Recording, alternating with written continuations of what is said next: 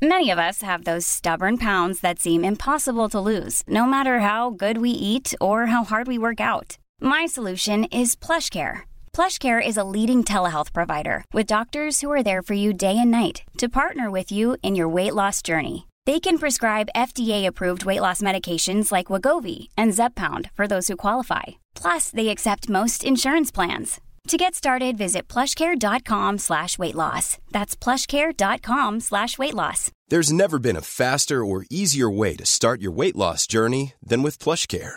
PlushCare accepts most insurance plans and gives you online access to board-certified physicians who can prescribe FDA-approved weight loss medications like Wigovi and Zepbound for those who qualify. Take charge of your health and speak with a board-certified physician about a weight loss plan that's right for you. Get started today at plushcare.com slash weight loss. That's plushcare.com slash weight loss. plushcare.com slash weight loss.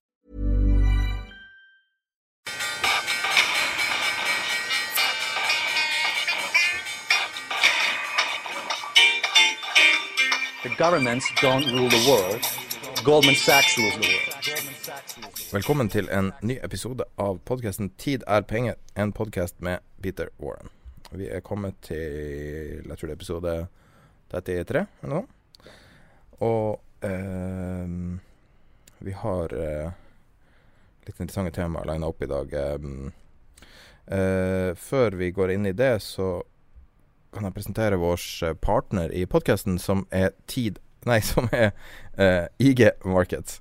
Uh, IG Markets er en nettmegler for private investorer og tradere som er aktive i finansmarkedet. Og uh, mange spør om råd om hvordan meglere man kan bruke, og, og IG Markets tilbyr veldig mange produkter som er eh, egnet for folk som er tradere.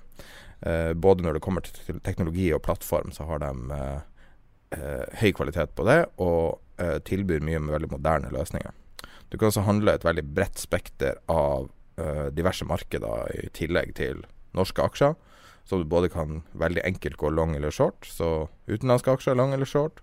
Du kan handle eh, eksotiske råvarer som hvis du eh, føler deg eh, Har du handla appelsinjuicekonsentrat noen gang? Ja. ja, ja. Er det det er, det verd, et marked som er verdt å se på for uh, novisetradere?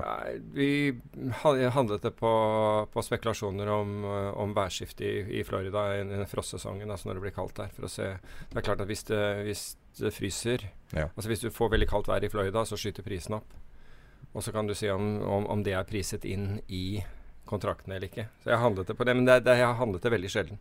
Ja, for Før så var det typisk produkter som var bare for profesjonelle. eh, mens nå er det lettere tilgjengelig gjennom sånne meglere som IG. Ja.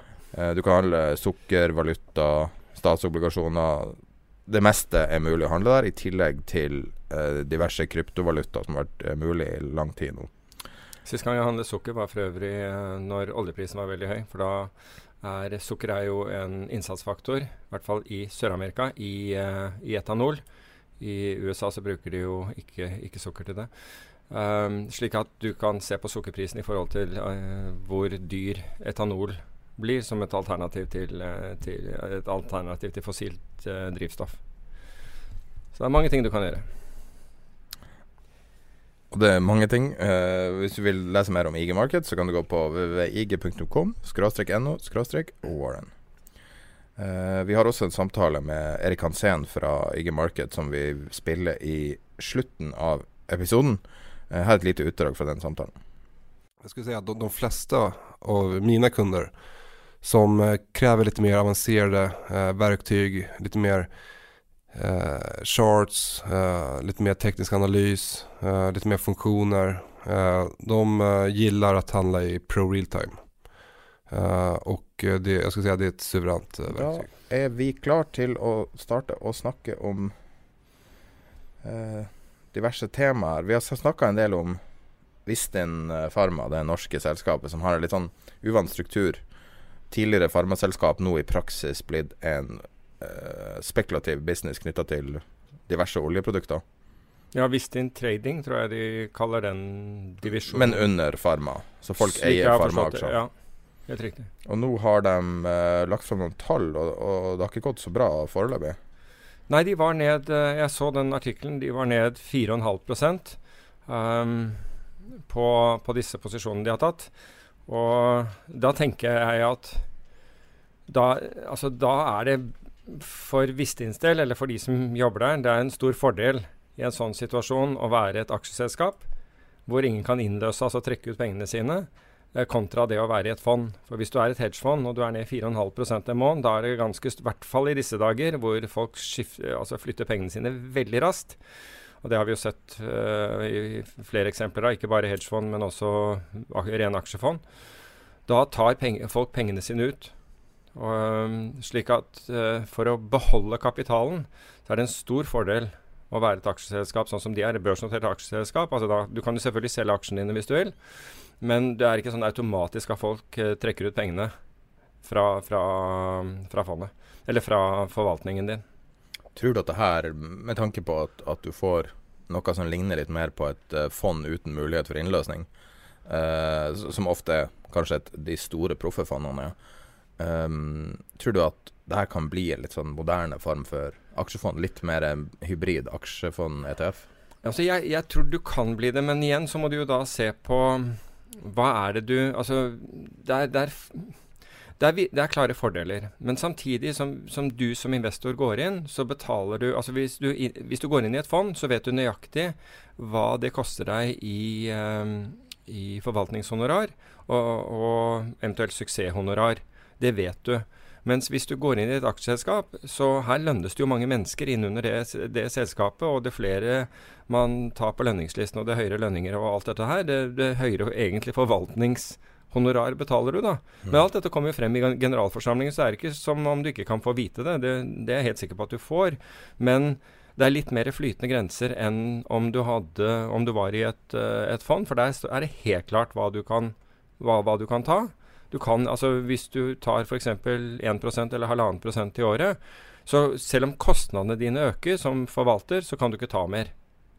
Så det er, det er visse sånne Og så er det en annen ting, og det er hvordan beregner man hva det er verdt? Altså nå, ære visste inn for det, de sier at ok, vi, vi er ned 4,5 um, Og da kan du regne ok, da, da burde aksjekursen være ned 4,5 kan, kan du si. Men hvis du har f.eks. som ofte er med aksjer, er at de er verdt mer enn de bokførte verdiene. Nå kommer det an på hvordan man har bokført men la oss si at det, det er det samme som net asset value. Altså, så, og jeg så noe tall fra Bloomberg akkurat på, på, på Vistin som var 1,4. Det vil si at du betaler 40% høyere enn en de bokførte verdiene. da. det gjør du aldri i et fond. Der betaler du den faktiske verdien, ikke sant, mark to market, altså som da hver måned blir, blir beregnet. Betal, det er den verdien du, du, du, betaler. Så det er litt mer diffust når du har i et aksjeselskap, men, men det bør du være klar over. Men blir, man skulle jo si at hva du betaler for. Du betaler for access til kjente folk. de har, de har henta inn to folk. Den ene er mye mer kjent enn den andre. En person som vi har snakka veldig varmt om veldig mange ganger. Ja. Som er analyt tidligere analytiker i DNB. Torbjørn Kjus. Yes. Ja. Og, men da er spørsmålet mitt men, men, du kan gå inn i et hvilket som helst altså Det er mange fond med veldig kjente forvaltere, men du betaler jo ikke en premie. Nei, ja, Du betaler forvaltningshonorar som forvaltningshonorar, ja. de facto blir en premie. Ja, men det, her betaler du også et forvaltningshonorar. Men, men, du kan si at du Altså net asset value. Altså et fond er slik at du betaler for nøyaktig de verdiene som er der, og det beregnes på, på, månedlig, på månedlig, basis. Ja. Um, og du betaler, du betaler, ikke en premie f.eks. på 40% over det. Det gjør du ikke.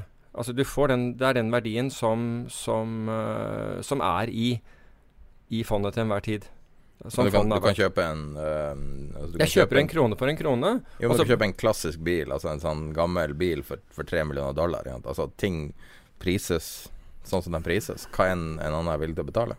Ja, men her har du Jo, det er jo for så vidt riktig, men uh, når det gjelder et fond, da, så skal da en administrator gå god for den prisingen. Da. så det må være basert på, på markedsprisen. Men ikke aksjekursen, da? Hva sier du? Administratoren har jo ikke noe med Nei, aksjekursen nett, nettopp. Altså i et fond. Ah, et fond, ja. I et ja. fond så, er, så, så skal en administrator se på prisingen, og da, da går han ut fra det Hvis det er børsnoterte produkter, da er det veldig greit, fordi da er det verdt den siste kursen for måneden. Mark det- to market. Mark to market. Hvis det er OTC-produkter, så må du da innhente fra Prime Broker og andre, hva, slik at du sannsynliggjør den prisingen. Du får ikke lov å sette prisen på det selv, da, som, som forvalter, og det er jo rett og rimelig at du ikke skal. Det har vært altfor mye manipulering av, av, av slikt, og et kjent norsk foretak mistet jo konsesjon for at man hadde manipulert det. Mm. Um, eller oppgitt verdier som ikke, som ikke var riktige. Så, så det skal være tredjepart som gjør det, også en administrator som da undertegner på at dette, dette har vi sjekket, og dette er riktig, og det blir da resultatet for den måneden, eller verdien på fondet på den, måneden, øh, for den måneden. Når det er et aksjeselskap, så har du ikke det, det samme, men her går de, går de selv ut og sier at ok, vi er ned 4,5% Og det er jo greit nok. ikke sant? De, de gjør markedet oppmerksom på hva som har skjedd med de posisjonene de, de tok. Og det er jo rett og hederlig. Og så får markedet sette Men da er det markedet som setter prisen på aksjen, hvis du skjønner hva jeg mener. Mm. Uh, om, om det reflekterer. Hvis det er noen som er villig til å betale gammel kurs, så vil de si at de, de Altså da har jo faktisk da, da betaler de på en måte en overpris, eller hvis det går ned eller, Men når du har et aksjeselskap, så kan det handle høyere eller lavere enn en de virkelige verdiene. Det er markedet som bestemmer. Men det er liksom greater fool theory Nei, det er ikke egentlig det. fordi altså, har, Vi har selv hatt aksje, aksjeselskaper, og de, de handlet vesentlig høyere en periode. Da ble alle sure, fordi da ble det formuesskatt. Mm. ikke sant? Og handlet de under, så ble man også sur. Mm. For da var det lavere. Så når det er børsnotert, så kan det handle både over og under liksom de, de, de reelle verdiene. Og, det en, og, og der kan man komme opp i problemer. Hva du syns du synes om resultatet, da? Ned 4 Ned 4,5% Nei, altså de, de, de ville jo helst at det ikke var ned 4,5 det er jeg helt, helt sikker på. Men så til gjengjeld så tok de vel de posisjonene med en høyere oljepris enn det som er i dag. Og hvis det er gjort gjennom opsjoner, så har du jo i tillegg en tidsverdifaktor mm. uh, som forfaller. Uh, eller som Altså tidsverdien blir, blir mindre. Så jeg vet ikke hvordan de har bygget sine uh, posisjoner. Men, men altså 4,5% i hedgefondverden er altså hvis du Det er kroken på døra. nesten. hvis er, ja, det, altså det kan fort altså Hvis du ikke har tjent veldig mye penger tidligere, så du har en mål, ikke sant, du har veldig god track record, så kan det være Ja, det kan det. Og vi har sett flere hedgefond eh, legge ned i år. Så det er en fordel liksom, ved å ha strukturert det på den måten, og da muligens få mer fred og oppsi mer tilgivelse fra investorene. Ja, for en ting som, som hedgefondverden gjør, er jo som, som andre deler av finans ofte ikke fokuserer så mye på, er jo type sharp ratio, altså risiko. Risikojustert avkastning. Ja. Ja. Eh, men, men når jeg tenker på det, da, så spørsmålet er liksom Her har du to personer som kommer fra en stor bank, som skal trade. Og den ene analytikeren analytiker, og den andre er tidligere trader. Så da tenker jeg Hva er egentlig forskjellen på personlige egenskapene for å lykkes, hvis du tar liksom en aksjefondforvalter, en, en det her er jo de facto et hedgefond, egentlig. Altså, de har jo Ja. veldig klare hedgefondstrategier. Eller Mm. kanskje P-fond, jeg vet ikke. Men Nei, er, ja, eller det er et hedgefond med, med et spesialfond av et eller annet slag, i hvert fall. Og uh, man, man er bare tilfeldigvis i et AS. Og så har du eh, liksom sammenlignet de to typer forvalterne med f.eks. en analytiker og, og en trader. En hvilken som helst trader. Det er ganske mange tradere som hører på denne podkasten. Men kan man gjøre den, den gang, eh, liksom veien over? Kan man Differensiere. Altså For det første må vi bare se, se på de rollene. da La oss si at du har rollen mellom, mellom forvalter som én, uh, analytiker to og trader tre. Ok? Forvalteren vil ha det overordnede ansvaret. Det er forvalteren som ser det store bildet. Det er forvalteren som setter sammen porteføljen, slik at at alt ikke avhenger av én faktor, f.eks. Med mindre det er helt åpenbart at det skal man gjøre. Så er det forvalteren sin eh, jobb å gjøre det. Forvalteren må tenke på risikoen. Hvor mye fluktuerer dette her? Er det innenfor det vi skal gjøre? Og ha ansvaret for at mandater følges.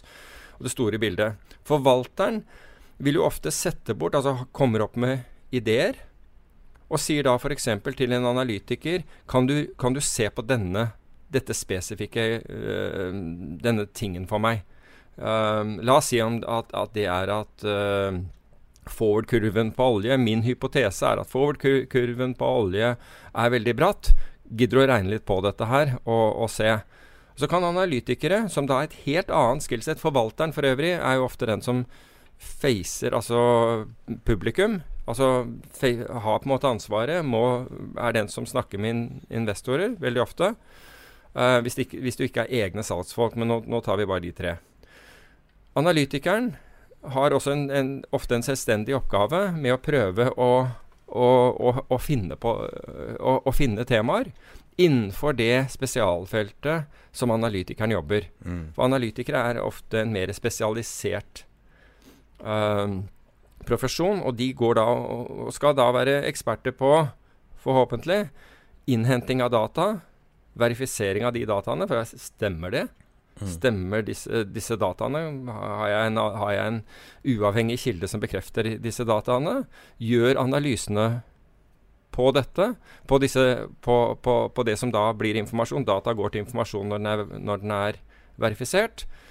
Analyserer informasjonen, og da tar øh, og presenterer dette som et estimat. Jeg tror dette skjer. Dette ser billig ut fordi.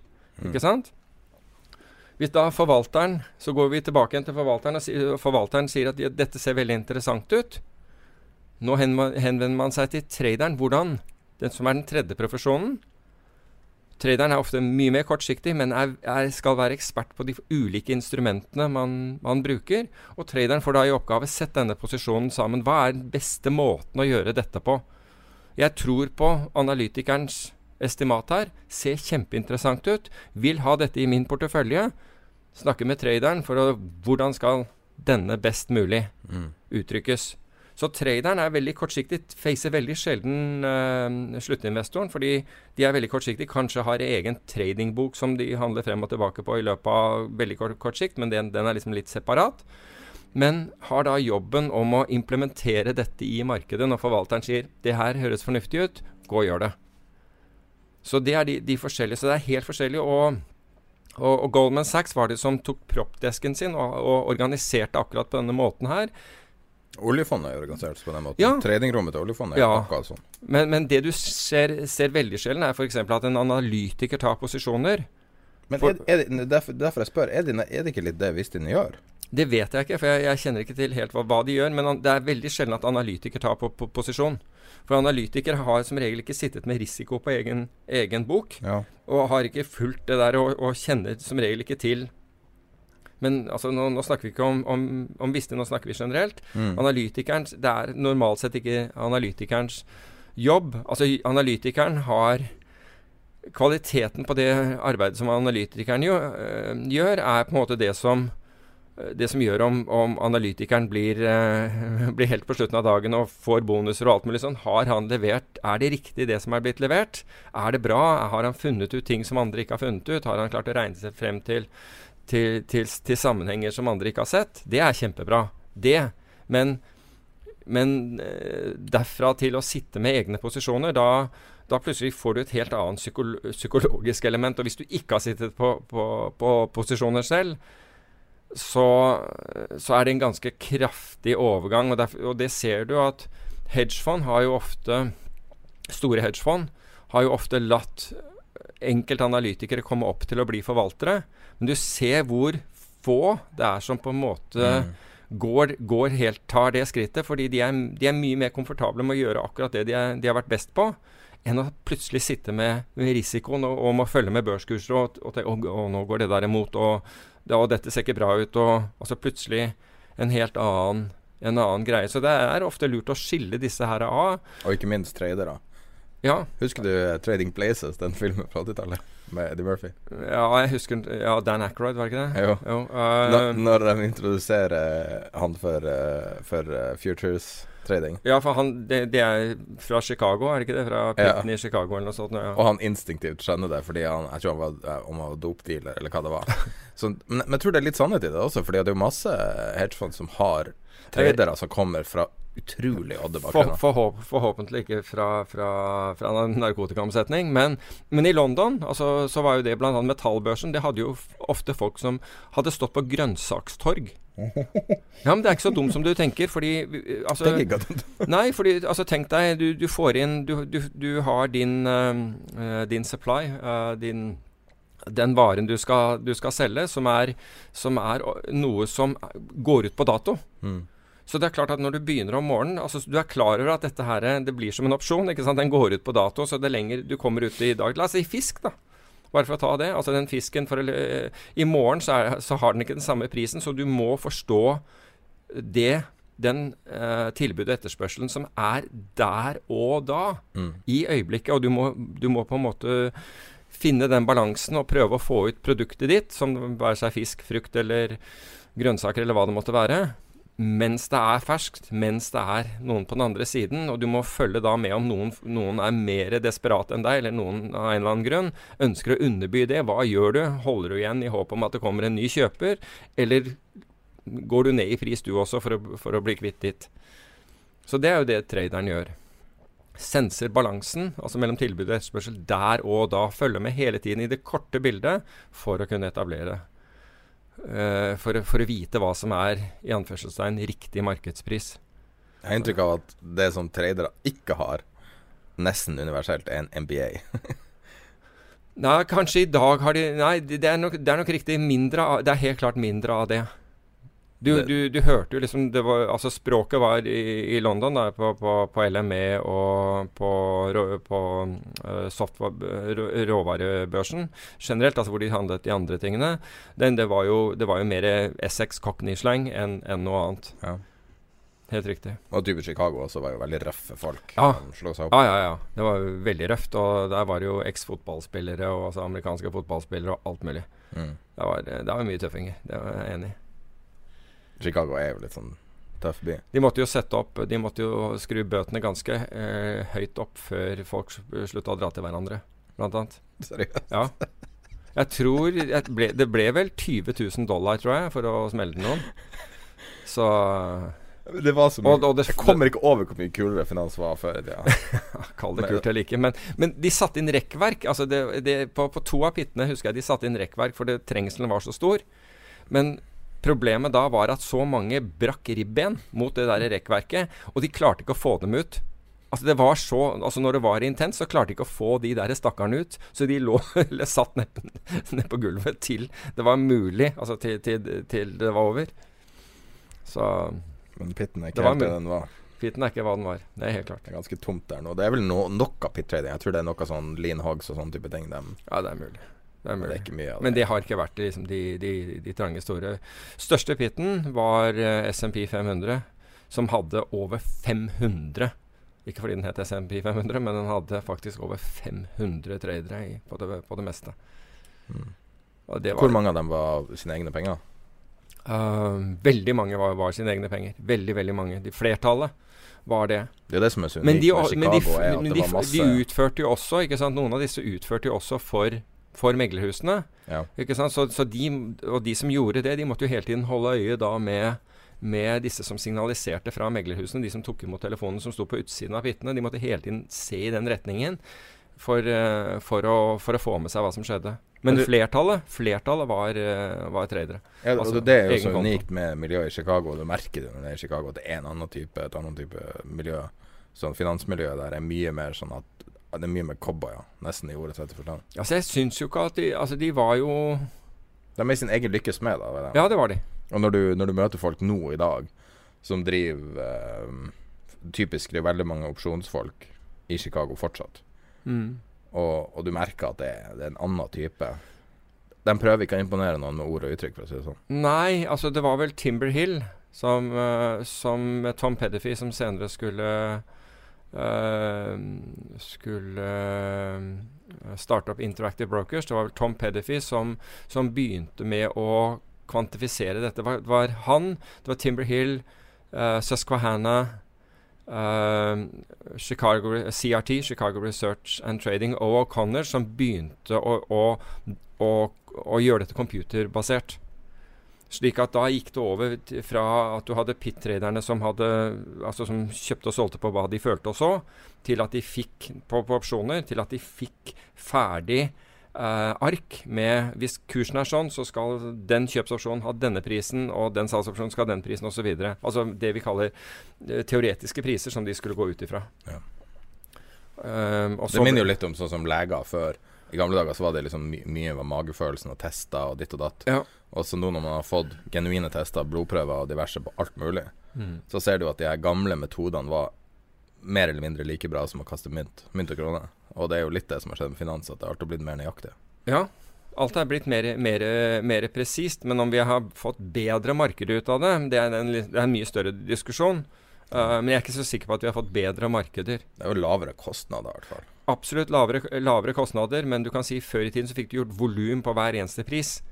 Nå trekker folk seg med en gang de, noen har et volum. Spent på å se på neste krise hvordan det vil spille ut. altså. Ja, den Det kan bli et problem når det gjelder likviditet. Absolutt. Så du så den der makro makrooverskrifta jeg tror Finansavisen som hadde SR Bank har kjøpt seg inn i Hva det heter for noe? Eh, Quantfolio.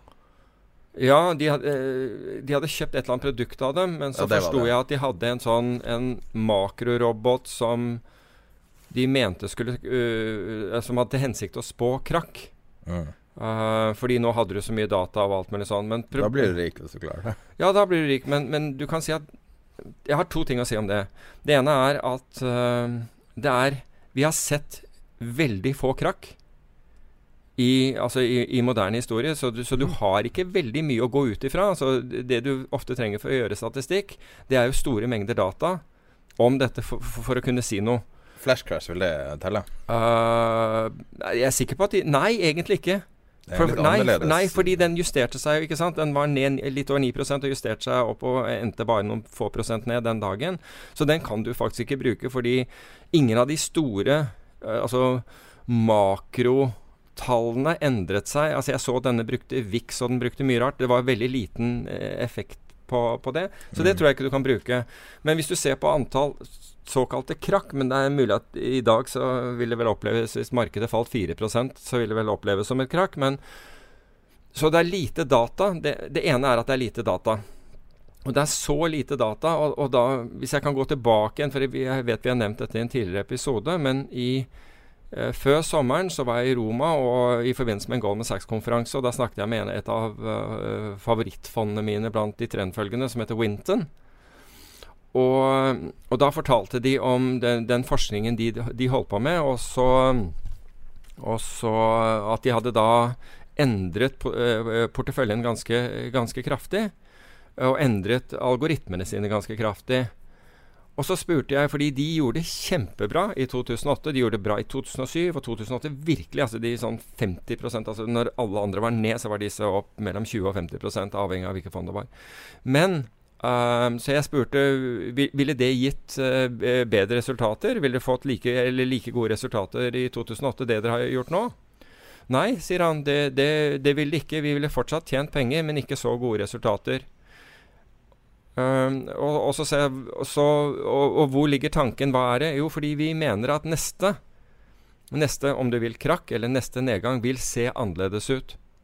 Og det er på en måte den intelligente. Vi tror ikke at vi får akkurat det samme. Så hvis du baserer deg på at du skal få akkurat de samme signalene som de to andre krakkene du har opplevd i historien, eller tre Altså tenk deg tre, det er, det er ikke en statistisk signifikant populasjon av krakk som du kan egentlig basere noe. Hvis du da baserer Ok, hva var fellesnevneren for disse tre? Og kanskje finner du noen fellesnevner for disse tre, så tror jeg verden har gått veldig mye videre siden. Uh, men jeg sier ikke at det er det disse har gjort, men jeg tror du skal ha en ganske annen makeup, altså på det du driver med, og en annen tenkning enn å bare finne hvilke faktorer var det som da signaliserte på, på, på, disse tre tidligere tilfellene. Det blir spennende å se. Hvis du går på Wikipedia, så har de ganske sånn uh, løsere definisjon av krakken det du har, tydeligvis. Da er det ganske mange.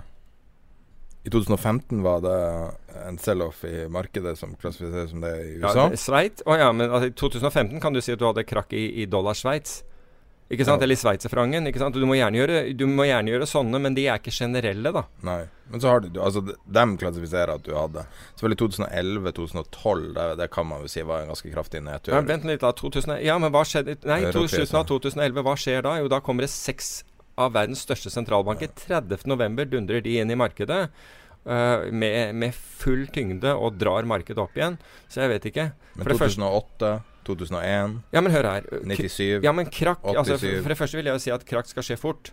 Men det Ikke sant? At, at, Men 97, det var fort. 87 Nei, 97 var ikke fort. Altså, hva er fort, da? Asiakrisa. 20% ned? Hva? Asiakrisa. Unnskyld, eh, 1997. Ja, absolutt. 90, 90, 97 kan du si. Jeg er enig med deg. Selvfølgelig 87. 97, da, da var det jo lufttomt rom når, gjaldt, eh, når, når ting falt. Det var jo rått i 98 også, for så vidt, under eh, når Long Term Capital gikk over ende. Du- 73. Inn øh, The det tok det ikke Miners. leng... Ja, kanskje, men det tok litt lengre tid i, i 73, mener jeg. Um, når du kommer til um, Når du kommer til uh, inn i 2000, da, hvor, hvor du får .com, så er det klart at det føles slik for de som satt med akkurat de aksjene. Men det ble jo ikke noe fullstendig krakk når det gjaldt det andre. Det, det gikk jo for all del ned. Mm. Men det var jo ikke sånn at, uh, at uh, ting ble borte over natt. Sånn som det ble for, for .com. Og i 2007 og 2008 så fikk du jo varsel så det holdt før, før, ting, uh, før, før ting dro ned.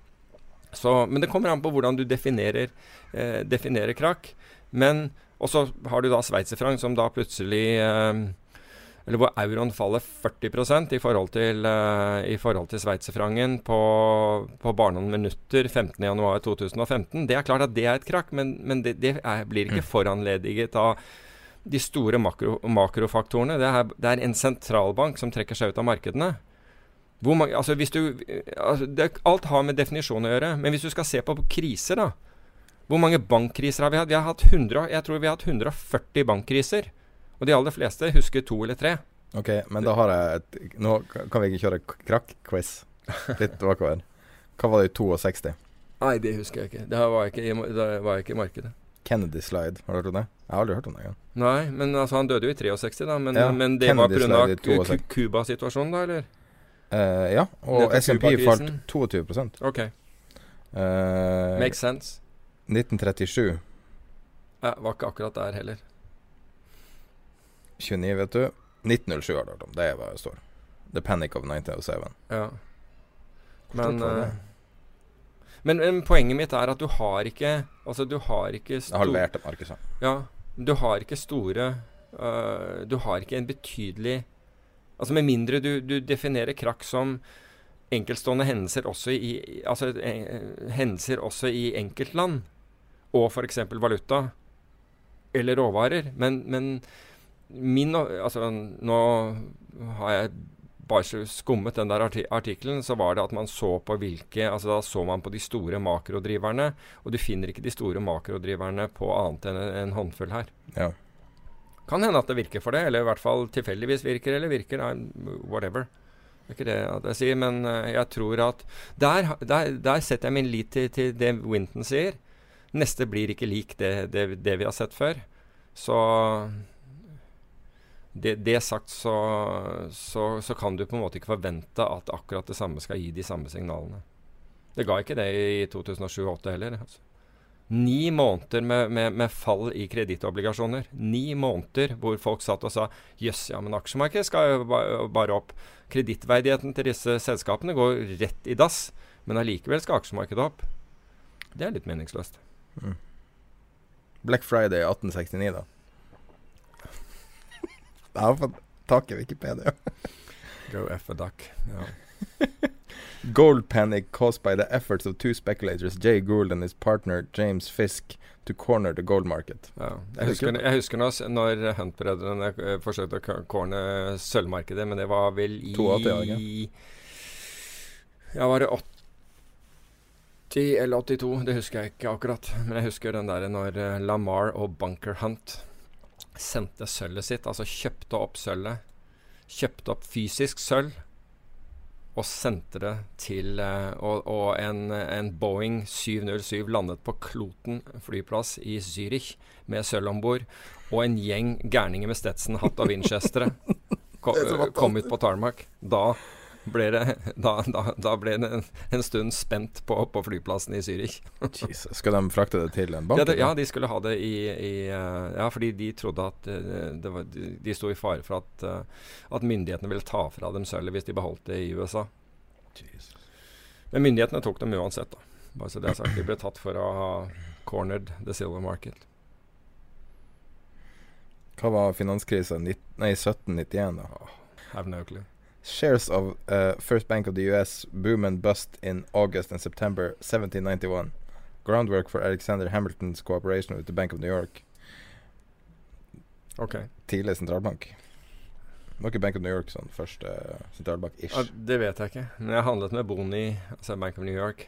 Det Reuterkode Boni. Uh, mye valuta. De kjøpte for øvrig Susquehanna i sin tid.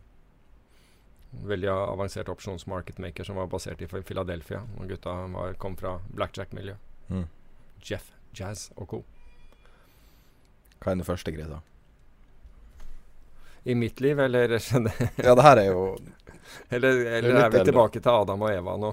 mm, 1621. Ok. Det er ikke den du tror da. Kip, er Kipper, kipper und vipper. Ok, aner ikke. Men altså, hvis denne roboten til disse gutta har gått tilbake igjen til Kipper und Vipper i 16 var, Hvilket var det 21? 16. Ja, så Da tar jeg med hatten for det.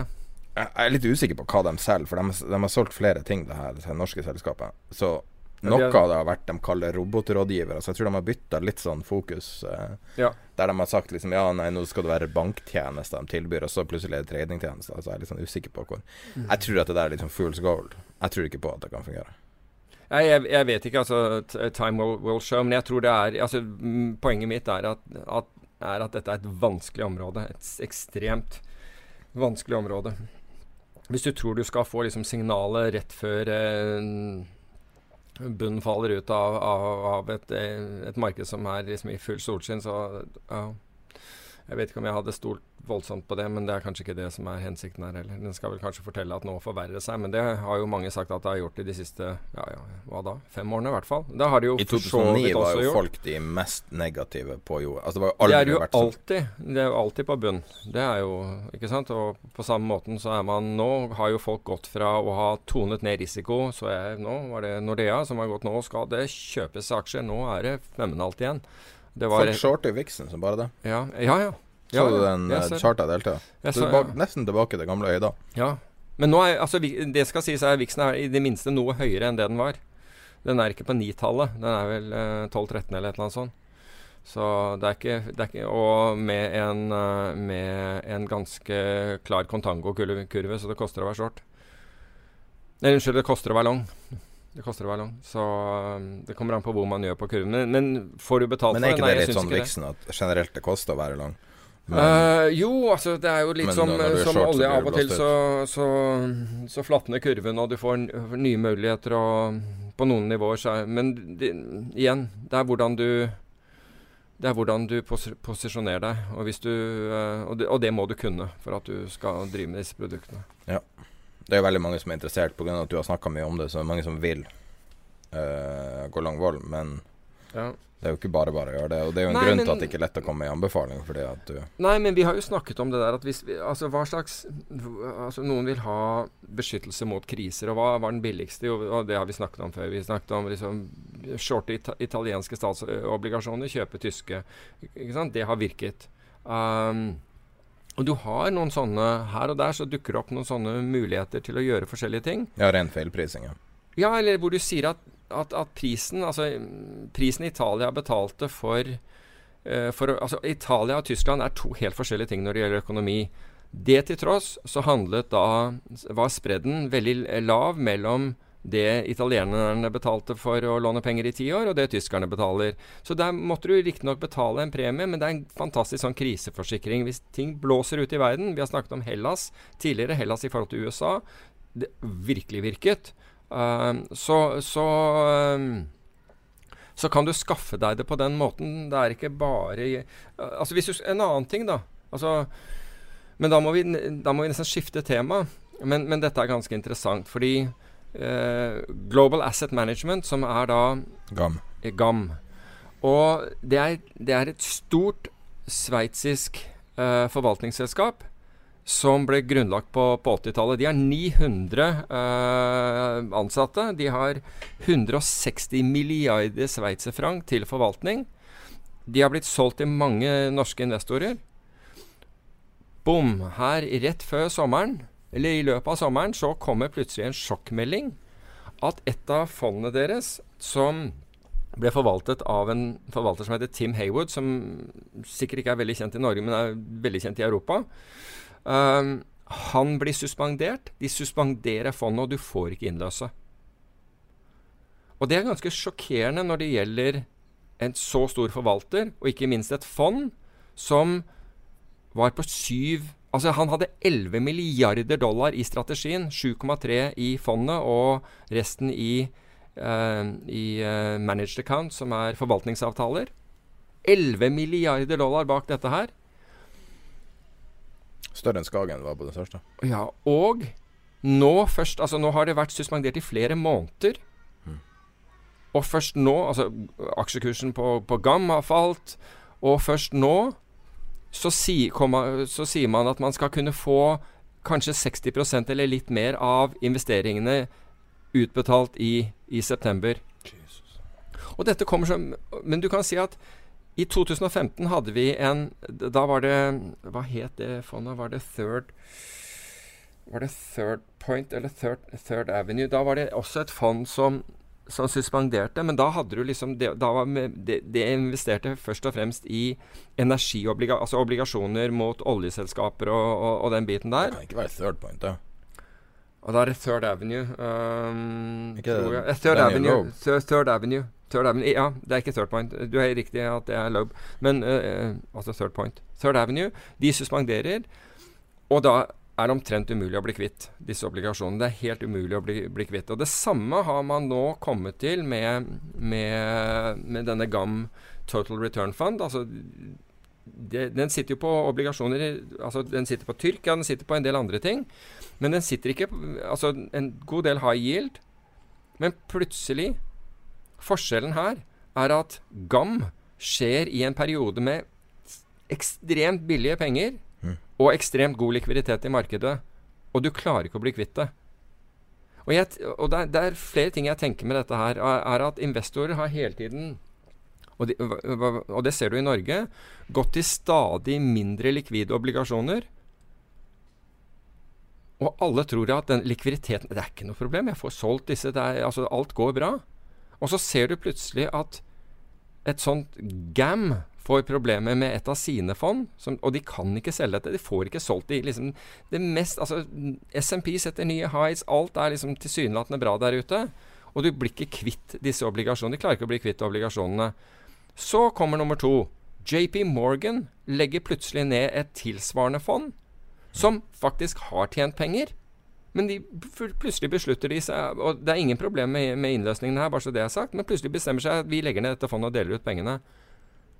Og det andre Og så kommer Deutsche Bank ut med en analyse, og den, den kom i forrige uke, som sier at det har aldri vært billigere å hedge high yield-risk gjennom opsjoner enn nå. Altså Da snakker man high yield, altså HIG, ETF, eh, som det finnes ops opsjoner på. Opsjoner på HIG. På HIG, ja. Det det, har vært, det har aldri vært billigere. Så hvis altså Skjønner du at disse tingene her henger ikke helt sammen? Det fins ikke likviditet. Allikevel får du hedget high yield-risiko gjennom den high yield eh, ETF-opsjonene, som er en indeks. Rekordbillig. Det er noe som ikke stemmer her. Indeksen har flata veldig ut, HIG, og det er jo litt, Ja, sånn, litt sånn urovekkende, egentlig. I uh, hvert fall med tanke på det du sier nå. Men, jeg, men, men, Men samtidig spørsmålet her er Hvis du da Vi skal prøve å forstå det her i en større skala. For det her høres jo utrolig skremmende ut. mm. Er det her eh, at musikken begynner å stoppe? Sånn, hvis du bruker den analogien fra Fra eh, The Big Short. Er, er vi, sitter vi i et øyeblikk der der det smarte penger begynner å unloade ting som er totalt verdiløst, sånn som Hellas og Tyrkia? Altså, alt mulig noen sånn. steder så ser du i hvert fall at det, det spilles falskt. Det er helt klart. Altså, det, det, er, det, er, ikke den samme musikken. Noe er, noe er, feil her. Og det er ikke det at vi skal gå tilbake igjen til 2007 og legge merke til den, den, uh, den uh, forskjellen som var i utviklingen på, på kredittmarkedet, altså obligasjonene, kredittobligasjonene og, og, aksjer. Men, men, det er jo altså, Det som slår meg, er at folk putter mer og mer penger. Du, altså, de, alt mulig blir fulltegnet, i hvert fall hvis det selges her i landet, når det gjelder obligasjoner. Folk hiver seg inn og er helt overbevist om at, de, at de, altså, hva, hva er en obligasjon? Jo, hva er det beste som kan skje når du kjøper en obligasjon? Spiller ingen rolle om det er kredittobligasjon eller en statsobligasjon. Det beste som kan skje, er at du får tilbake alle pengene dine, altså med andre hovedstolen, og du får de rentene som du er lovet. Ok? Det er det beste som kan skje. Det er ikke som en aksje hvor den kan gå 400% eller et eller annet sånt. Dette er det beste som kan skje. Det er det samme som en put-opsjon. Du har akkurat solgt en put-opsjon. Og de aller fleste som driver og handler i high yield, vil ikke drømme om å selge put-opsjoner, for det er farlig. Men det er akkurat det det er. Put-opsjon, ikke sant. Du får en premie. Det beste som kan skje, er at du får, får, beholdt den der premien, ikke sant. Men det verste som skjer, er at du taper hele hovedstolen på den obligasjonen. Så, så det virker som folk tenker veldig lite. Altså det er, det er en sånn uh, Discrepancy Det heter diskrepans. Det høres jo helt håpløst ut. På, det er et avvik da mellom, mellom det som foregår i det internasjonale kredittobligasjonsmarkedet og det som foregår i det norske, og, og mellom det som foregår i, i det internasjonale kredittobligasjonsmarkedet og det som du ser i aksjemarkedet. Det er en, et avvik her. Og det kan jo hende nå at uh, Nå vet jeg ikke hva som har skjedd hos GAM, fordi jeg nevnte jo at Tim Hayward var, var suspendert, så det, er helt klart at jeg går ut fra at når, når de setter i gang internundersøkelser så, og suspenderer forvalteren, så har, det, har noe ikke bra skjedd. Om gått utover mandater eller hva det er, det vet jeg ikke. Håper ikke at det er misprising av portefølje. Men så renner det på, samtidig som dette skjer, så renner det på en ny ting. Det, nå har vi hatt Tyrkia, vi har Venezuela, nå har vi Argentina. Ikke sant? Så, ja. Og hva skjer der? I dag så meldes det om at Franklin Templeton, altså Templeton som er kjempesvære forvaltere, har tapt 1,2 milliarder dollar på noen av sine fond på Argentina alene. Og hvilke andre er med, har, har stor eksponering mot Argentina? Jo, Pimco. Altså Pacific International. Altså, verdens største fond. I hvert fall var det. Du har BlackRock, det er vel det verdens største forvalter. Du har GESAM, altså Goldman Sachs Asset Management. Du har liksom noen av de største gutta i gata som er stor. Og Goldman Sachs har jo også mot Venezuela, det snakket vi om forrige gang, som har eksponering mot, mot dette. Og, og Lagarde har da hatt møte med, med argentinske eh, presidenten, som jeg mener heter Macri. Er du dama fortsatt? Hva? Må ikke være. Men, uh, men, i hvert fall, de, de, hadde møte, og Argentina skulle få eh, Skulle da få 50 milliarder dollar i, i kriselån fra IMF. Og så kommer ikke disse pengene. Og så de, blir de så desperate at de går hvor, hvor, Hvilken kanal bruker de? Nei, ikke Twitter. YouTube. Og ber om pengene. Seriøst? Det skjer ja, slutten av forrige uke. Så går de ut på YouTube og sier 'Hvor blir pengene av?' For å få oppmerksomhet rundt dette her. I'm not kidding. Verden er blitt så gal. I'm not kidding. You, can't, you can't make this shit up. Og, og, slik at nå skal de prøve å få, få, en finansiering på plass. For hva er det som skjedde rett over helgen her? Jo, det var at Argentina måtte sette opp renten fra 45 til 60% Vi har 30% inflasjon i dette landet, eller over 30% Valutaen er, er i dass, for å si det på godt norsk. Uh, Indonesia, uh, rupiaen der, der, er nå 20 års lav. Altså det, det, skjer en del ting her ute i verden. Altså Når man snakket om uh, synkronisert vekst og alt var i orden for kort tid tilbake, så har vi definitivt fått et mer fragmentert bilde nå. Og nå begynner det å gå På en måte fragmentert, på en måte så er jo alt det her er jo EM-land. Ja, men EM-land Jo, men hør her. 80% av gjelden til Argentina er i dollar. Så, det, så ja. Og, og, og, folk har dollar. Altså, du, vet at, at, det er en shortage av safer i Argentina fordi at alle har dollar i safe. Seriøst. Du får ikke kjøpt safe der. Så altså, det her er jo ikke noe nyhet at Argentina har et problem. Det som er nyhet, Nei. er at folk fortsatt har ja, men, men, men, men, poenget mitt er at, at det, er, ja, det, er iso, altså, det er isolerte EM og det er ikke, det er ikke en, nødvendigvis en, en, sammenheng, det er ikke engang én sammenheng, mellom en rekke av disse landene, f.eks. Sør-Afrika, som pl plutselig begynner å, å, å se hvor, hvor, hvor, kursen på rand går ned og alt mulig sånt pga. at det skjer noe på den andre siden av verden. Det er ikke noe direkte sammenheng. Jo, det er en sammenheng. Jeg kan ja, si sammen. Jo, vet du hva sammenhengen er? Ja, hvis, du ser, hvis du går på YouTube igjen Nei, hvis du går på YouTube så, går du på, så søker du på uh, Societé General Trader. Så har Societe General laga en video der de viser en av deres tradere på EM-desken. Så kan du se hvordan de jobber. Uh -huh. Så ser du han sitter der og byr på hytt og pine, alt mulig slags utrolig obskure ting. Legg den på, på gruppen, da. Ja, legg det. Og, og, det er veldig artig å se på. Se mm. du, du, får se en seriøs risk-taker jobbe, og det, det, her er ikke noe kødd, det her er ekte greier. Og, men det som slår meg, er jo at det her er jo én person som er involvert i 100 forskjellige ting. Mm. Bokstavelig talt én person. Sånn at når du ser spredning av EM-risiko, så er det jo fordi at du har kanskje 15 sånne karer i London. Som ja. sitter basically og toucher i Israel at Israel er emerging market, men det, det er i hvert fall én på samme mm. desken. Og du har Tyrkia, og du har ja, ja. Sør-Afrika, og du har Argentina, og du har alle de her obskure tingene som går gjennom ganske få personer. Ja, og i tillegg så Derfor har du da Ja, også i tillegg så har du fond som er eksponert mot akkurat det samme. Så la oss si da at vi vet jo at GAM har da fått et run på sitt fond, eller folk har prøvd å ta ut pengene der. La oss si at investorer begynner nå å ta ut penger fra, fra la, la, oss si at fra Templeton pga. dette, og fra andre, fordi det har vist seg å være veldig lite investortålmodighet for tiden. Da betyr da selger, altså hvis jeg, hvis jeg innløser i, um, i, i, GAM eller i Templeton eller Goldman Sachs Asset Management uansett, så selger jo ikke de kun uh, sine argentinske posisjoner eller indonesiske posisjoner eller venezuelanske eller hva det er for noe. De må jo selge jevnt over for, for at porteføljen skal For at hele fondet ikke skal bli ubalansert. Så dermed så går det utover andre. Ikke sant? Der, dermed kan du se at det blir en sånn contagion-effekt. Og det påvirker jo også valutaen, ikke sant, når de gjør det, for da skal de ut av valutaen også. For det er jo som regel ikke hedgede valutaposisjoner de gjør i, de, uh, i, disse, for det blir jo litt Det blir jo ikke noe poeng, for å si det på den måten.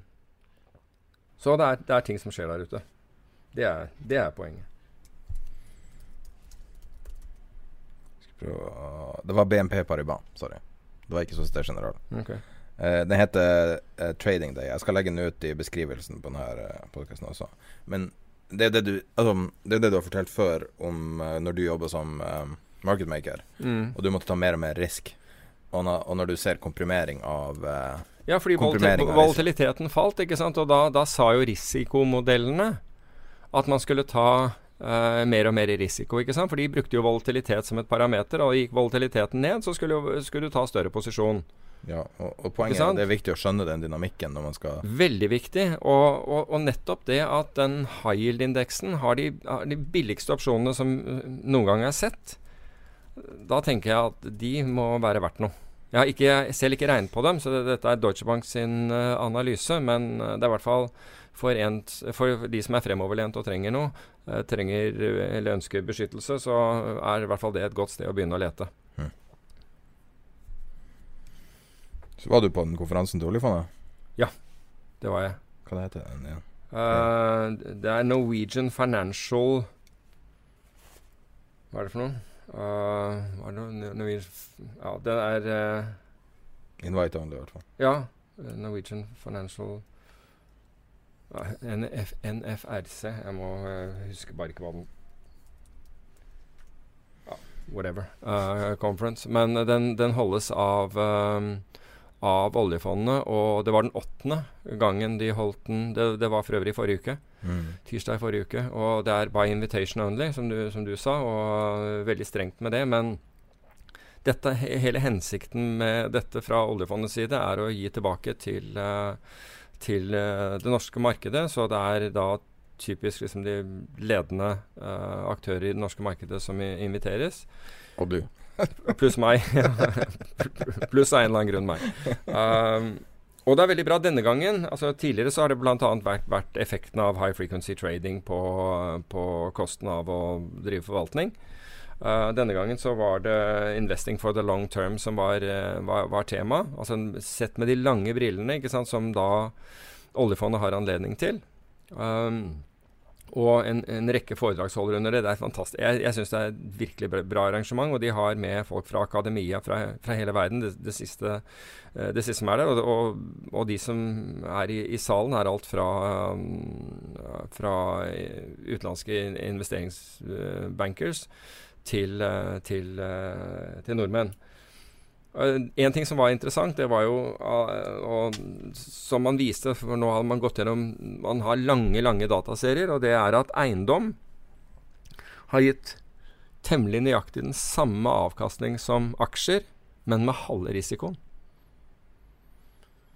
Og når du tenker på hvor mye tid vi bruker på aksjer i forhold til eiendom, altså ikke vi, men, men markedet, avisen og alt, så, så er jo det interessant. Men jeg tenker jo at i det Altså For det første, aksjer prises eh, sekund til sekund, minutt til minutt, og i hvert fall på daglig basis. Mens i eiendom gjør, gjøres ikke det. Så jeg, jeg, er jo temmelig sikker på at de tallene Altså jeg er ikke så sikker på at det er et riktig forhold å si at du får akkurat samme avkastning i eiendom som i aksjer, du tar bare halve risikoen. Fordi jeg tror at når du skal ut av eiendom, hvis du må ut av det i en fart, så er ikke det noe en, en, en Spør naboen min. Ja. Han får ikke solgt. Ok, en, en hyggelig ok eh, opplevelse. Så, så, det var den ene, ene tingen. Men, men, det er interessant å, å, høre synspunktene rundt det. Det var også et foredrag om rebalansering som, som konkluderte med at de ikke kunne konkludere med noe. Men oljefondet må jo ha tatt en vanvittig hit i London-eiendomsmarkedet? Det er mest eksponert for. Ja, Du vil jo tro at de har i hvert fall tatt en hit, men jeg, jeg, det vet jeg ikke. Jeg har ikke, jeg, har ikke, sett noen store overskrifter med det. Men jeg vil jo tro at pga. brexit at man, man, fort tar en hit. I hvert fall nå som du ser at det er blitt Mange har gjort alvor av å flytte virksomheter ut av, av London og til Frankfurt når det gjelder finans bl.a. og andre ting. Nå er det jo ikke i finans distriktet de har eh, de, altså Region Street er de vel omtrent, men, eh, og det er, ikke, det er, ikke, en del av finansdistriktet. Men du ville jo tro at det ville få en effekt der også. Det vet jeg ikke, men altså, så lenge leietakerne betaler, så går jo, går jo dette greit. Uh, en annen ting var, og som jeg syns var kanskje det mest interessante, og som ikke var i det opprinnelige agendaen, det var om, om kunstig intelligens, altså artificial intelligence og big data, og en professor som heter Brian Kelly, som i tillegg til å være ved Yale også jobber for AQR, altså hedgefondet AQR. Og det var veldig interessant. Fordi uh, altså han han, uh, han simplifiserte det uh, utrolig elegant. Altså, og, og, og, enkelt sa at frem til midten av 80-tallet så var, så var, datakraft det var egentlig if if then, altså setninger, som, som, ble benyttet. Altså hvis det, hvis det så det. Uh, altså helt rigorøs. Mens ar, altså forskjellen til, til, kunstig intelligens er at vi bruker altså, altså, Det er rett og slett statistikk. Vi bruker statistikk til å estimere. Og det betyr at det er langt, langt kraftigere. Og de hadde i hvert fall de hadde en, en, en, en trelagsmodell som hadde gitt en sharp ratio på over, ti, unnskyld, på over to, på over 2,29, 2,23 eller noe sånt i forhold til, eh, til SMPs 0,59. Hva hadde du fondet ditt? Det beste, var ikke det fem eller noe? Ja. Vi hadde, vi, hadde, vi hadde, fem, men, men, men Det var med liten størrelse, da? Ja, ja altså, det var, det var, mange ting når det gjaldt det der. Og, og altså, og ble, ble, stadig konfrontert og spurt om dette, og folk syntes det var fantastisk. Men jeg var helt overbevist om at vi ikke ville klare å holde det over tid. Nei. Altså Hvis vi klarte to, så hadde det vært fantastisk over tid. Og vi klarte jo mer enn det. Men for det første hadde du en begrensning. På, på, en størrelse på hvor vi fant ut at 200 millioner, det kunne du liksom 200 millioner dollar, det, det kunne du det var maks det du kunne gjøre, og den, den sizen gikk også ned. Mm. Fordi det, det, det, mer high frequency trading vi kom over, det mindre pos kunne posisjonene våre være. Altså, vi hadde jo posisjonsstørrelse på 50 millioner euro i, i, i hver gang vi handlet. Og til å begynne med var det fullt mulig. Dette var i valuta og i amerikanske statsobligasjoner. Futurene på de. Vi måtte ned. Og vi måtte ned, og vi måtte ned, og vi måtte ned. Og vi endte på posisjoner på at, eh, at vi kunne få slippage selv med 3 millioner. Mm. Så du går fra 50 millioner helt ned til 3 millioner dollar i, uh, i, uh, i Altså uten at, uten at, du påvirker kursen. Regner du ut en sharp på, på din egen trading nå? Nei, nei, egentlig ikke. For, nei, fordi veldig mye av det jeg gjør nå, er, er, forskning og utvikling. Og da, da er du nødt til å gjøre en del ting som du egentlig ikke har tro på. uh, for, for å få et basisresultat på det. Så, så du gjør en hel haug av ting eh, rett og slett for å få bygget opp historikk og erfaring på det, slik at du kan si noe meningsfylt om det. Mm. Så eh, Men, men det, det, det bør man gjøre. Altså Du kan si at når du drar det i gang, så må du gjøre det. Altså hvis du, det hadde vært bedre å regne på, på effekten av uh, for eksempel, altså Hvis vi hadde gjort flere ting enn bare short uh, Tesla og den type ting, så Uh, Og Men er ikke det litt separat fra det andre du gjør? jo, jo, jo. Men, men du kan si at der For, for der gjør du ene og alene for å tjene penger. Du gjør ikke for, for at du skal samle inn data eller eh, andre ting. Du gjør dette her Du tar aldri en posisjon med mindre du Du, um, du er, jeg, har en sterk overbevisning om at du vil tjene penger på den. Um, så det hadde vært lettere å, å Det hadde vært mer riktig å brukt som et grunnlag, da. Men vi har ikke nok tall der uansett til, å, til at du kunne si noe meningsfullt uh, om den. Um, de snakket for øvrig også om at um, Viste til at amerikanske eh, stiftelser, altså universitetsstiftelser, har i snitt 17% i alternative investeringer, hvorav nesten alt er i hedgefond. Det er bitte lite grann i, i private equity.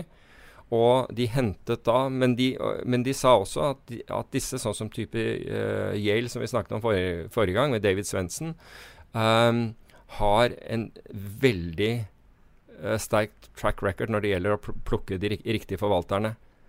Og, og da mener de at Uh, altså Tallene der viste at de hadde mellom 3 og 4% over, over markedsavkastningen fra det. Fra, fra hedgefondene. Så, så det lønte seg. Men hvis du ser på hedgefondresultat generelt, og ser på, på indeksnivå, så har de gjort det veldig dårlig de, de, de senere årene. Spesielt. spesielt altså, så, det lenger vi har kommet inn i perioden med kvantitativ le- lettelse, det vanskeligere har det vært for dem. Så, men, eh, Poenget men, deres er vel ikke å være best, men å overleve nedturene. Ja, altså du kan si at Jeg ville jo sagt at hvis du kan levere eh, en høy sharp ratio, så kan investoren selv velge hvor Altså hvis du kan Det jeg mener at et, et hedgefond skal og bør gjøre Altså enten må du gjøre det bedre enn aksjemarkedet. Altså du, du sier at ok, vi er Vi går opp og ned som aksjemarked, men vi skal gi deg en høyere avkastning. Eh, med, med lavere risiko, eller den samme avkastningen med lavere risiko, hva du vil, i forhold til aksjemarkedet. Det, det den er fair, for da er du et substitutt til aksjemarkedet. Utover det, altså hvis du ikke velger det, så mener jeg at, du, at et hedgefond bør gi en alternativ um, inntektskilde for, for en investor. Altså du får en, en inntektsstrøm som ikke kommer fra, eh, fra oppgangen i aksjemarkedet, som mm, 95% av alle inntektsstrømmer kommer fra.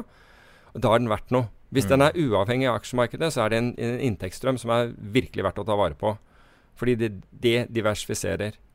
Hvis den inntektsstrømmen kommer fra, fra det og har vesentlig lave eh, Altså fra annet enn aksjemarkedet, og har vesentlig lavere svingninger, så kan du velge å gire det opp hvis du vil ha den samme risikoen som, som aksjemarkedet tar. Eller som du får ved å være i aksjemarkedet. Husker du det der UBS-produktet som eh, blir kalt Netflix for, UB, for kunder? Ja. Eh, Men det, eh, det er helt nytt, er det ikke det? Hvor, hvor man sier at man Altså man erstatter rett og slett meglere med, med robot. Ja, og så kaller man en screening eh, screeningprosess for en Netflix-algoritme, for at det høres litt mer sexy ut.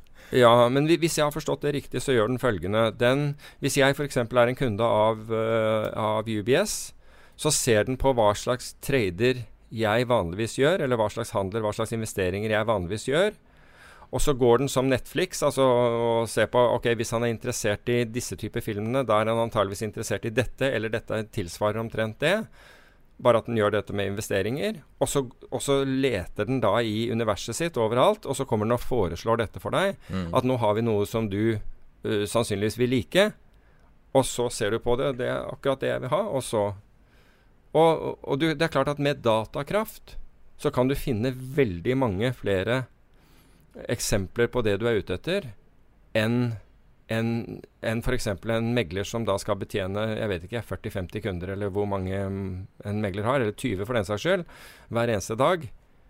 Um, er, it makes sense. Så hvis I teorien.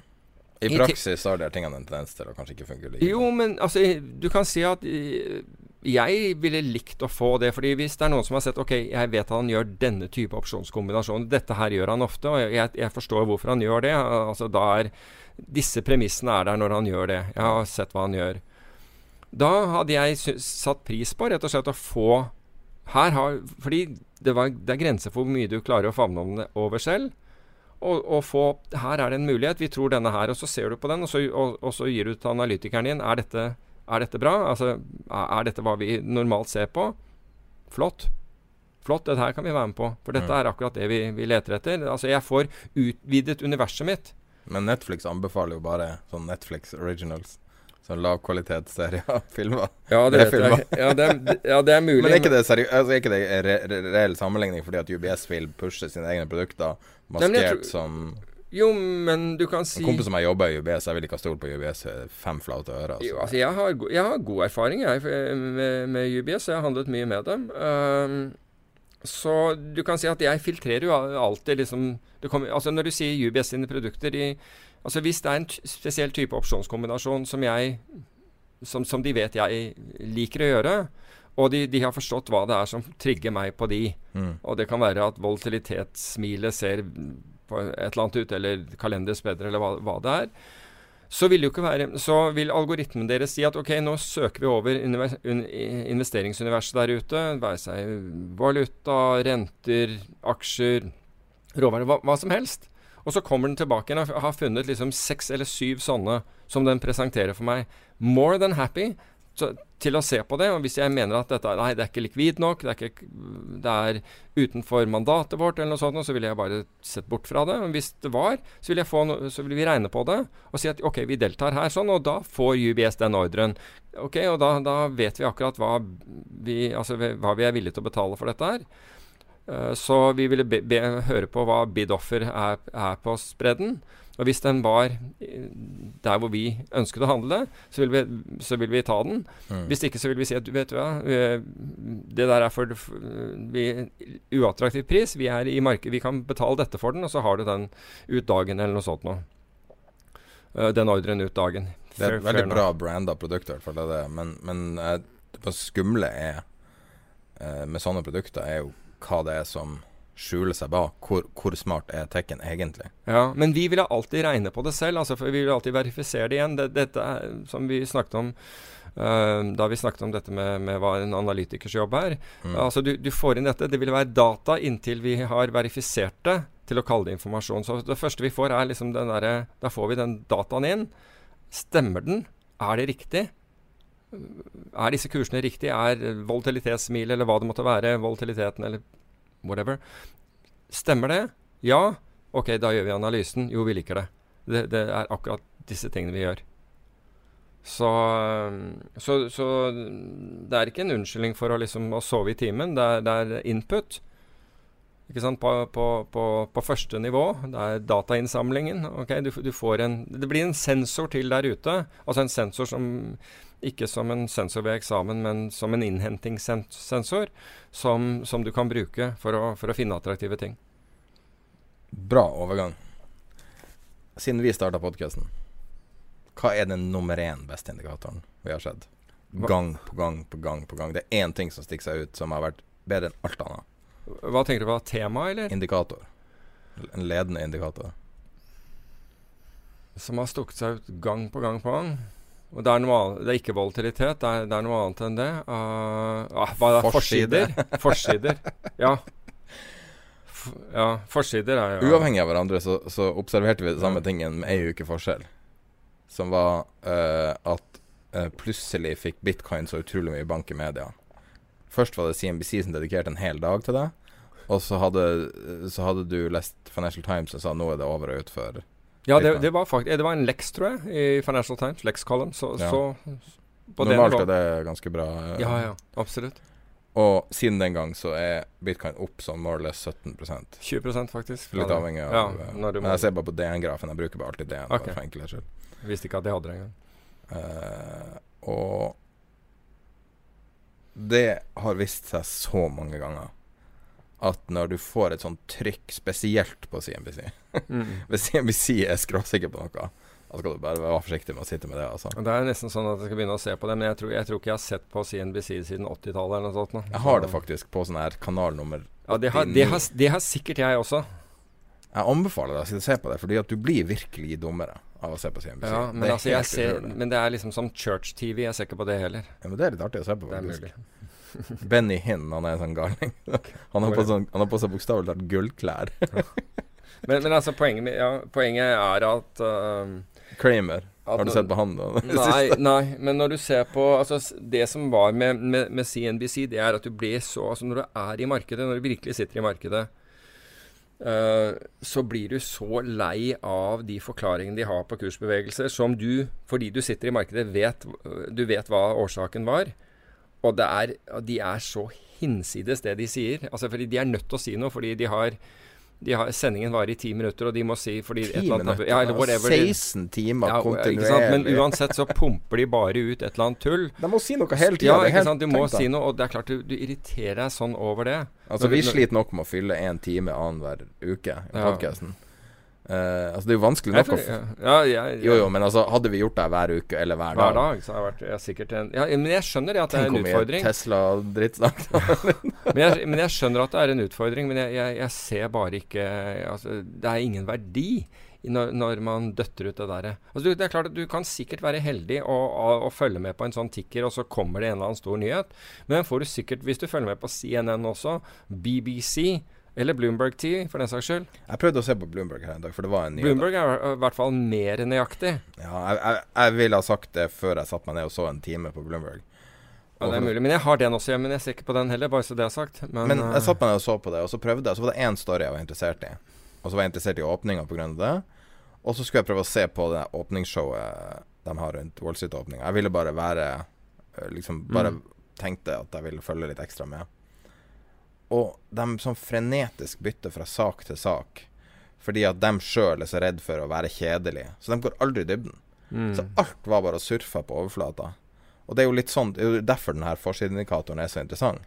Fordi at eh, når en avis som alltid ligger på overflata, som alltid vil være For de skal være eksperter på tusen ting, i stedet for å fokusere på én ting. Det er jo det som er litt av Ja, ja, men jeg tror du får bedre investeringsråd av å se på Nytt på Nytt enn du gjør av CNBC, for å si på den måten.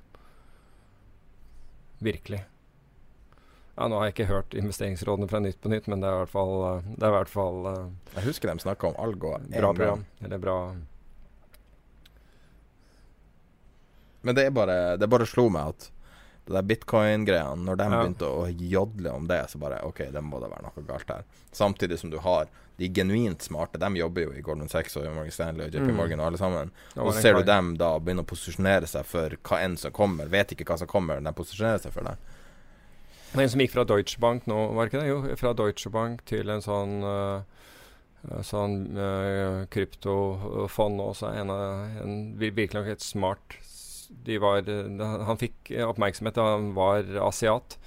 Uh, så jeg husker ikke helt navnet, men uh, som gikk derfra akkurat nå for, og, og joinet det. Så folk ser tydeligvis karriere i dette her. Men Galaxy har jo vel begynt å Altså det til Mike Novogratz har vel begynt å handle i Toronto. Ikke akkurat Så noe skjer i det der området. Ja. Så um, Men store saken her når det gjelder, dette her, det er hvorvidt man skal få lov å bruke elektrisk eh, altså strøm. For der sitter politikerne og, og nå skal sensurere hvilke initiativ du kan ta. Fordi en av årsakene er at Hva var det? Det var bare spekulasjon.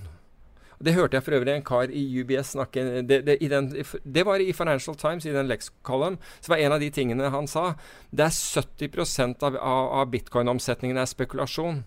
Uh, ja, men 80% av valutaomsetning 80% av valutaomsetning er, er, er spekulasjon, så at det skulle være noe som diskvalifiserte bitcoin, det følte jeg ikke var helt fair.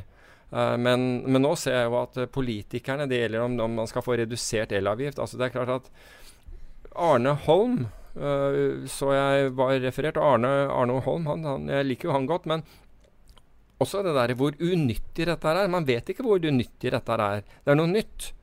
Man har ikke satt seg inn i det, men det er klart at hvis det er slik at det er politikerne som skal bestemme hvorvidt du får lov å drive innovasjon, og hva du skal få lov å innovere med, da håper jeg de også tar altså når, når de da sier ja til noe som ikke, ikke lykkes og, og, går nedenom og hjem, altså får du hjelp av dem da, eller? For det er jo, altså Når de da skal stanse initiativ Jeg må jo si, altså jeg, Bare så det, det er sagt, jeg har ingen ingen eh, eierandeler i noen som utvinner, utvinner eh, kryptovalutaer. Så det, så det, er på en måte ikke for min, uh, for altså, min syke og alt det der. Jeg forstår argumentet, det er jo ikke det.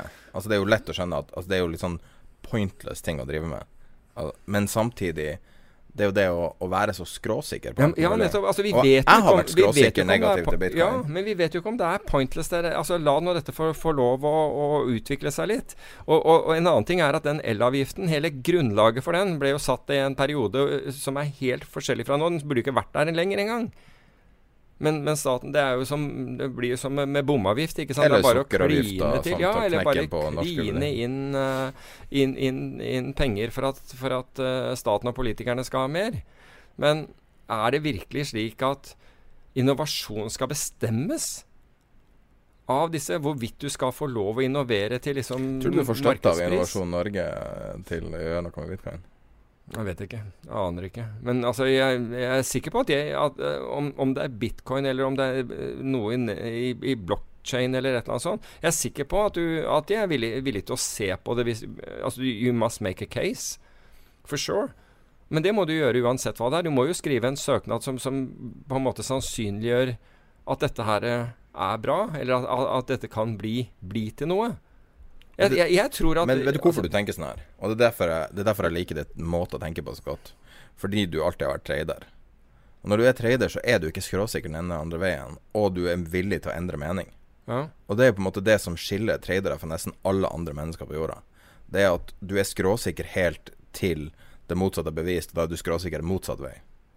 Ja, altså hvis det motsatt blir bevist, selvfølgelig er jeg det. Skråsikker men... i den grad at du satser penger på det, og du ja, satser ja. basically ja, ja. framtida di på det. Ja, men, men, da, gjør, da, har du én skin in the game, så det er ikke som, ja. som om, om, staten subsidierer altså, Nå var det noen som hadde funnet ut at de kunne bruke varmen fra, fra disse datamaskinene til å varme opp noen boliger og sånt. Jeg elsker varmyoga. Ja. Hvis du skal finansiere sånn hot yoga-studio, så kan du bare sette en Helt bokstavelig talt kan du gjøre det. Jeg tror jeg bare sette Det er bare sett deg blant noen sånne kryptomaskiner, så tror jeg sikkert du har 50 grader.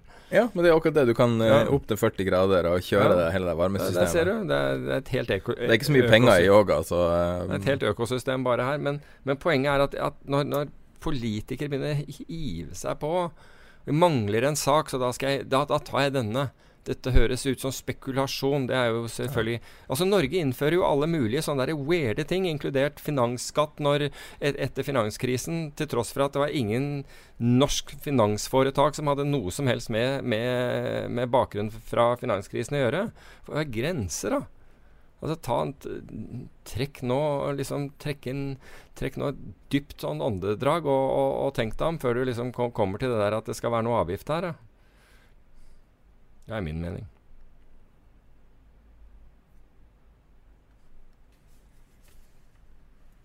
Har dere mer på hjertet? jeg, har lukka alle fanene. Sånn. Du, du, du, følte at liksom jeg lot hele, hele beltet på 200 skudd gå der, eller? Nei, jeg vet ikke om jeg Nei. Uh, Skal vi ta Nei. Vi har nevnt uh, Nei, vi skal ikke ta det. vi går tilbake til de samme temaene igjen. Ja. Vi har nevnt så vidt Vix og Tesla i dag, så det får være nok.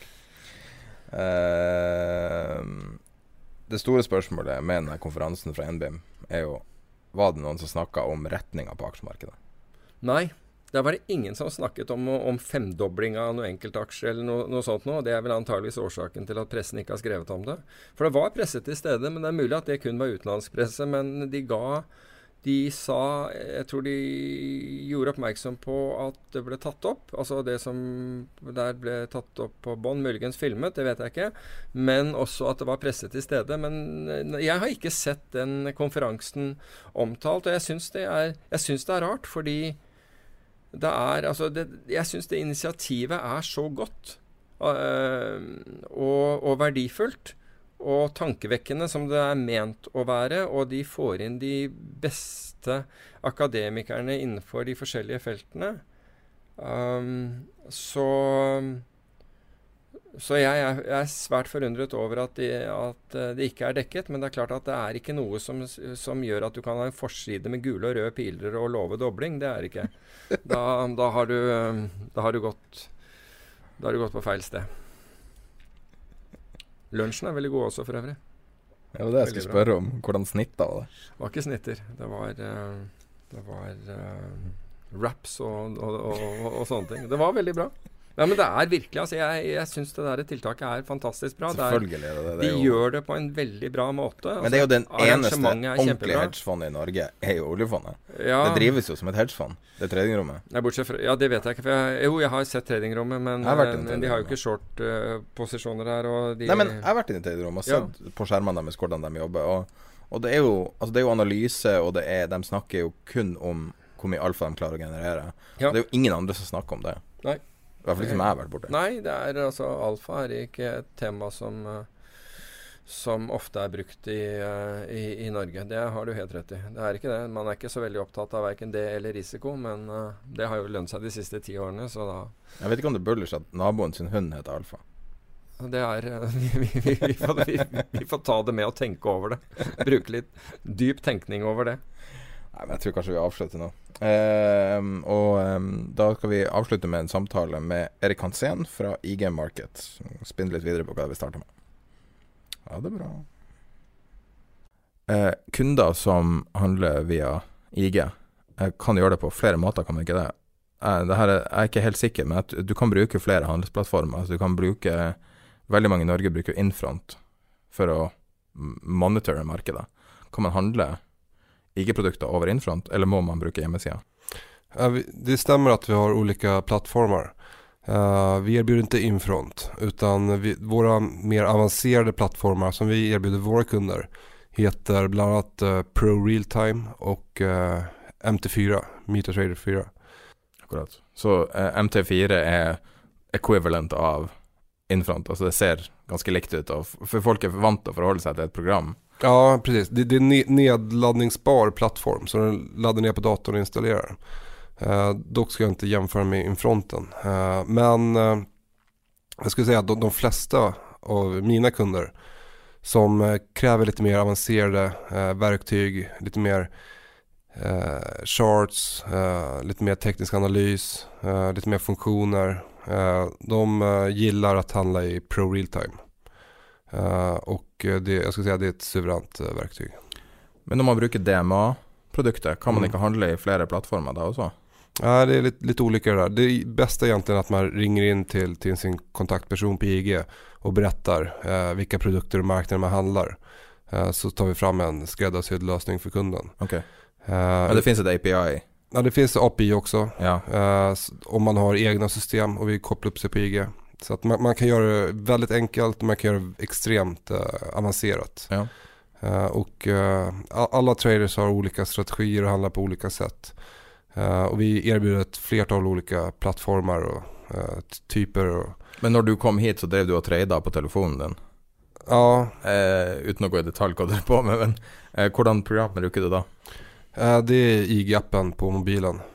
man, kan ladda, man, man kan söka på IG trading uh, iPhone eller Android. Uh, och då har du en applikation på mobilen som, uh, som är synkroniserad med alla våra andra plattformar också. Så att även om du tar dina positioner i, i MT4 eller Pro Realtime eller via hemsidan så kan du monitera allting via din telefon också. Cool. Så allting, allting är sammankopplat.